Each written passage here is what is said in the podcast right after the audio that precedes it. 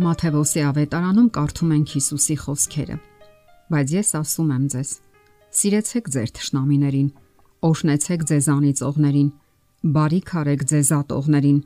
եւ աղոթեք ձեզ չարչարողների ու հալածողների համար, որpիսի worthiները լինեք ձեր հոր, որ երկնքում է։ Ինչպիսին է մեր վերաբերմունքը Հիսուսի այս խոսքերի հանդեպ։ Իսկ մյուսները ամբողջ մարդկությունը կարող ենք ասել, որ դեռևս 2000 տարի հնչած այս կոչը գործում է մեր բոլորի կյանքում։ Եթե այդպես լիներ, ապա այսօր մեր աշխարհում չէին լինի պատերազմներ եւ բռնի մահեր։ Ազգային ու միջանձնական ճշնամանքներ, բռնության ու ատելության կոչեր հանուն անիրավ մամոնայի, փառքի ու իշխանության։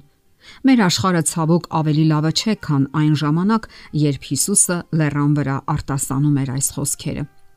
Ատելությունն ու թշնամությունը այսօր տիրել է աշխարհին։ Բռնության կոչեր են հնչում ամենուր։ Ազգամիչյան բախումներ ու պատերազմներ,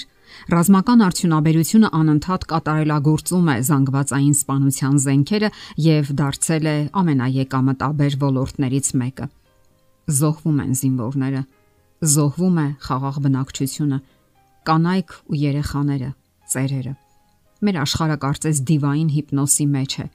Ատելությունն ու թշնամությունը մեր օրերում դարձել են այնքան սովորական մի բան։ Իսկ ի՞նչն է այդ ամենի պատճառը։ Պատճառը կրկին կարդում ենք Հիսուս Քրիստոսի լեռան քարոզում։ Եվ ինչու եղբորդ աչքի միջի շուղը տեսնում ես, բայց քո աչքի միջի գերանը չես նկատում։ Կամ ինչպես կարող ես եղբորդ ասել, թող աչքիցդ շուղը հանեմ, եթե քո աչքի մեջ գերան կա։ Կեղծավոր, նախ քո աչքի միջի գերանը հանիր եւ հետո հստակ կտեսնես եղբորդ աչքից շուղը հանելու համար։ Ատելությունը հոգևոր մեղք է։ Այն հրդեհի նման բռնկվում է մեր ներսում եւ թույլ չի տալիս խաղաղ ապրել։ Մենք կորցնում ենք մեր խաղաղությունը, հատկապես եթե չենք պայքարում ատելության ու թշնամանքի դեմ, որ հրեջ արակի նման ախտահարում է մեր էությունը։ Ահա թե ինչու արժե պայքարել ատելության դեմ։ Երբ մեզ հետ անարդար են վարվում, մենք վիրավորվում ենք, որը հաճախ վերածվում է վիրավորողի հանդեպ բարկության կամ կատաղության։ Այդ ներքին թույնն էլ հենց կոչվում է ատելություն։ Իսկ ատելությունը բոլոր ժամանակներում էլ եղել է եւ մնում է ամենակործանարար վիճակներից կամ երևույթներից մեկը։ Վիրավորվածությունը, նեղացածությունը, բարկությունը հենց այնպես չեն հեռանում։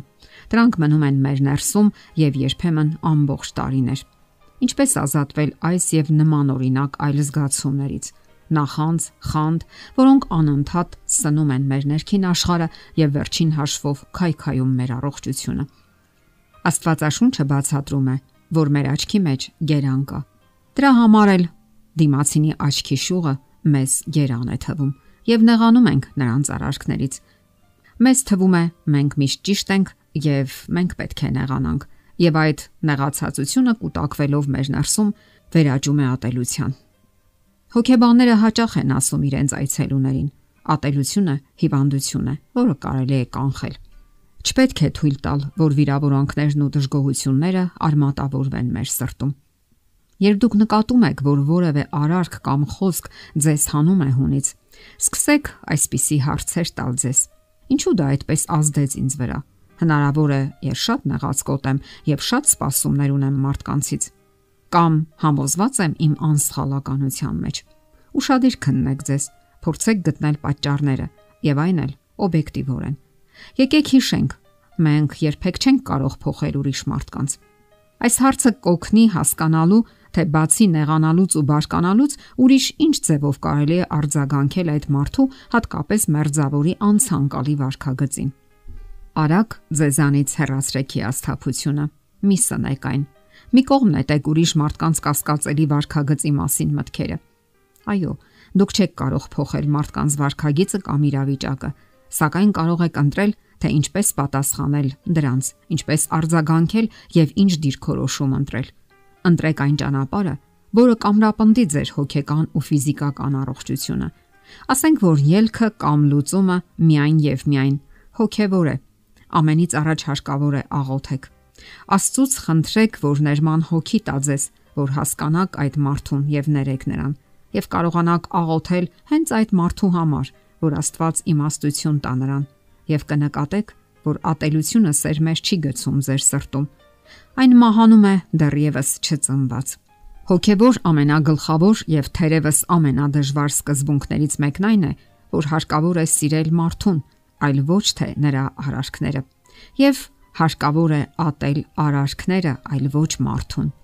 Հարկավոր է զբաղվել նաև ինքնակննությամբ։ Փորձեք հասկանալ, թե ինչու եւ ինչպես տեղի ունեցավ այս կամ այն վիճաբանությունը։ Ինչն էր պատճառը, որ դուք կորցրիք ինքնատիրապետումը եւ ապա խաղաղությունը։ Վստահ եք, որ դիմացինն է մեղավոր։ Փորձեք parzabanել։ Հնարավոր է մարդը հասկանա եւ զղջա, Իսկ եթե կարծում եք, որ դուք եք մեղավոր, ներում խնդրեք։ Դիմացինները սովորաբար ընդունում են դա եւ գնահատում։ Իսկ այդպես չի լինում, ինչ եք կարծում։ Շատ մարդիկ են վեճերից ու parzabanumներից հետո բարեկամներ դարձել։ Եթե անգամ բարեկամներ չդառնաք, գոնե կարող եք հաշտվել եւ չմնալ ճշնամիներ։ Խաղաղություն ձեռք բերելու եւ ընդհանրապես այն պահպանելու համար հարկավոր է առաջնորդվել Աստվածաշնչյան սկզբունքներով ու օրենքներով։ Վիճահարույց իրավիճակներում կարող եք աղոթել։ Ինքներդ ագրեսիվություն եւ բռնություն մի դրսևորեք։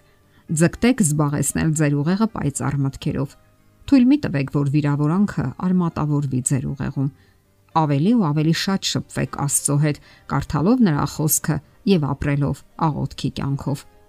Հաճախ գնացեք եկեղեցի։ Հոգևոր երկեր երկեք։ Աստվածաշնչյան համարներ սովորեք Շատ է օգնում նաև այն մարդկանց համար աղոթելը, որոնց հետ դուք խնդիրներ ունեք,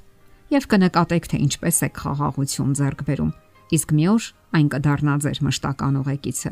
որովհետև Աստված ինքն է դառնում ձեր մշտական ուղեկիցը եւ խաղաղության աղբյուրը։ Եթերում ղողանջ հավերժության հաղորդաշարներ։ Ձեզ հետ է Գեղեցիկ Մարտիրոսյանը։ Հարցերի եւ առաջարկությունների համար զանգահարել 033 87 87 87 հեռախոսահամարով։